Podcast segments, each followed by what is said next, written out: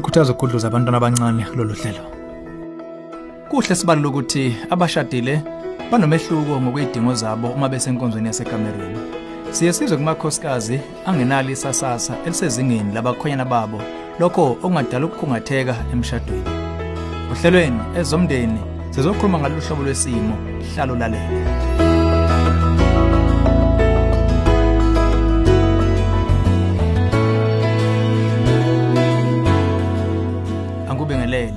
angikubingelele ezomndeni uhlelo ukulethela izeluleko eziphathekayo ngabaka focus on the family.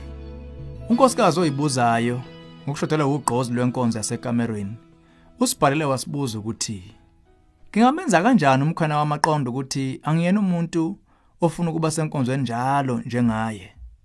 Uma ngimtshela ngekho semoyeni wenkonzo uvesa casuka athi ziningabi izinto naye angenzela zona noma engekho semoyeni ngaleso sikhathi njengokuya emsebenzini ukusiza emsebenzini wasekhaya nokuwasha izitsha.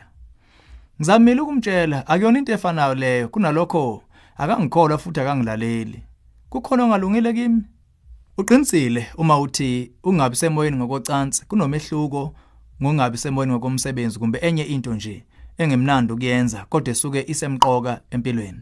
Lokho kuliqinisi kakhulukazi kwabesifazane abamizwa yabo incike ekuguquguqukeni kwesimo sokuba seyinsukwini nabakubuka kwabo ucansi kungafani nokwabesilisa ngokwesasasa lwalo. Ngokwabesifazane ucansi kumele azizwe elithambele evulelekile ngokuqala kuqala kitazwe ngumkhwana wakhe.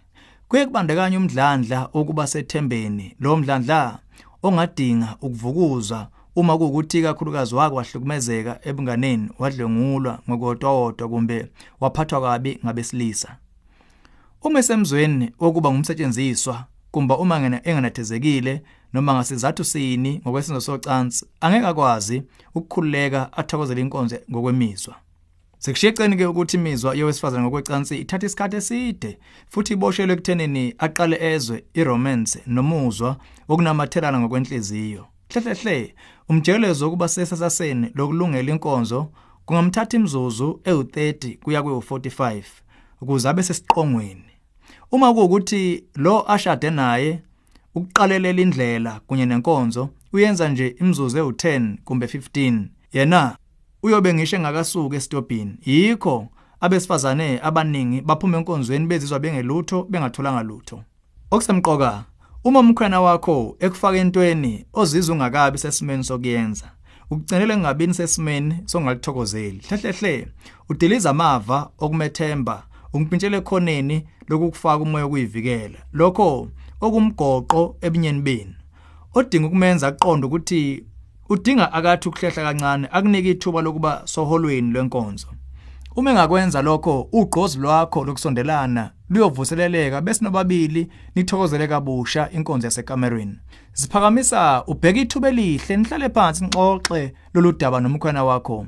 Ungathuli kuze kube sensembedeni ungalinda azacasuke nawe usemoyeni okuyivikela kunalokho hlela isikhathi la khona ningaxoxa ngemizwa yenu ngokukhuleka nokwethembeka. Chaza ukubuka kwakho bese uyalalisisa kwakuphendula ngakho. Niyakweletana babili ukuthola isombululo kulenkinga nisahamba kulolu hambo. Kubeke engqondweni ukuthi ingxenye yezocansi emshadweni wenu isemqoka. Uma nifuna ubudlelane obuyohlala impilo yonke. Njengoba neBhayibheli lisho umfazi akanamandla kowakhe umzimba kodwa indoda enawo kanjalo nayo indoda ayinamandla phezulu kwayo umzimba kodwa ngumfazi onawo. Ningagodlelani kuphela kube ngokwesikhathi ngokuvumelana ukuba nithole ithuba lokukhuleka nibuye nibe ndawonye ukuze usathane anganiyingi ngongayibambe kwenu. Eyokuqala kwabaseKorinte 7 verse 3 kuya ku5 ngakho okwamanje didisela kuwe umuzwa wokuba necala kumbe ukulindela izinto ezingekho bese unwebisenzo sothando olinikelayo ongaba yisekamerweni kumbe enye ingxenye yomshado wenu Sethemba ukuthi lenkambiso eguquliwe uma ihlanganiswe nokuxhumana kumtoti kuyovula ikhasi elithakaselekayo ekwenzeni inkonzo yasekamerweni. Lolu hlelo ezomndeni ulethulelwe yifocus on the family sihlangabezwa hlelweni oluzayo.